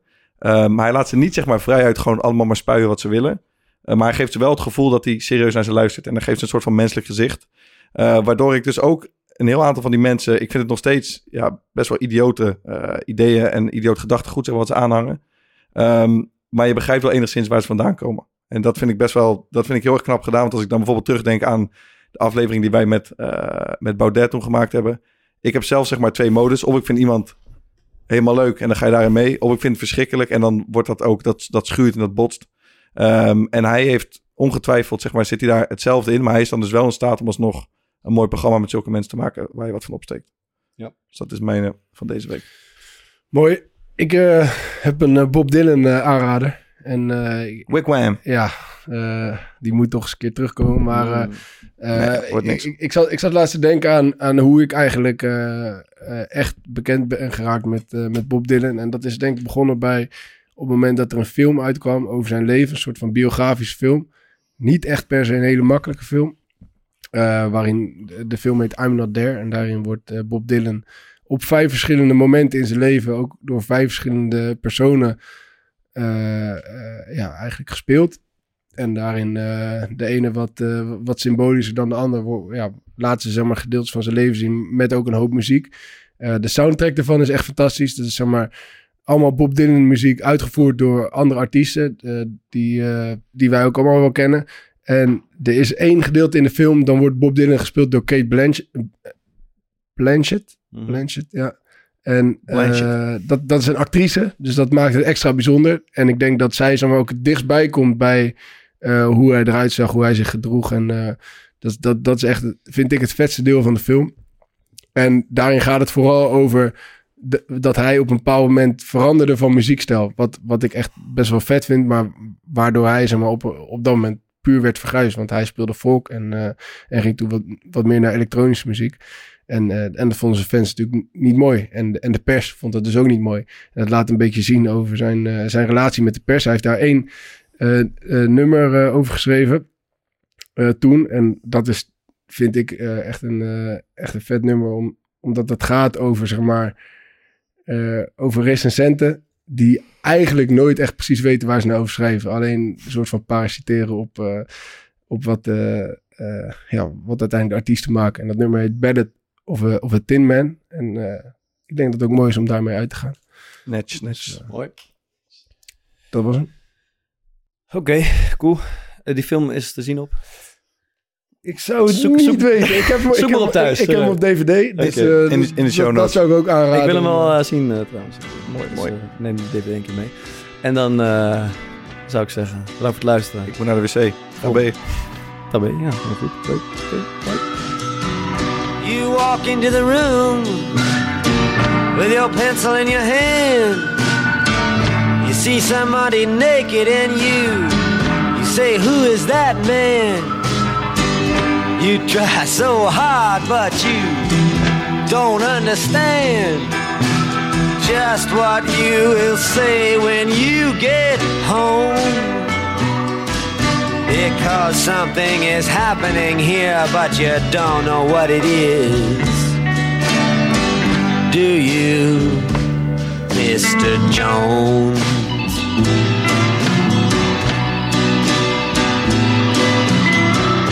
You raise up your head and you ask, Is this where it is? Then somebody points to you and says, It's his. And you say, What's mine? And somebody else says, Well, what is? And you say, Oh my God, am I here all alone? But something is happening and you don't know what it is. Do you, Mr.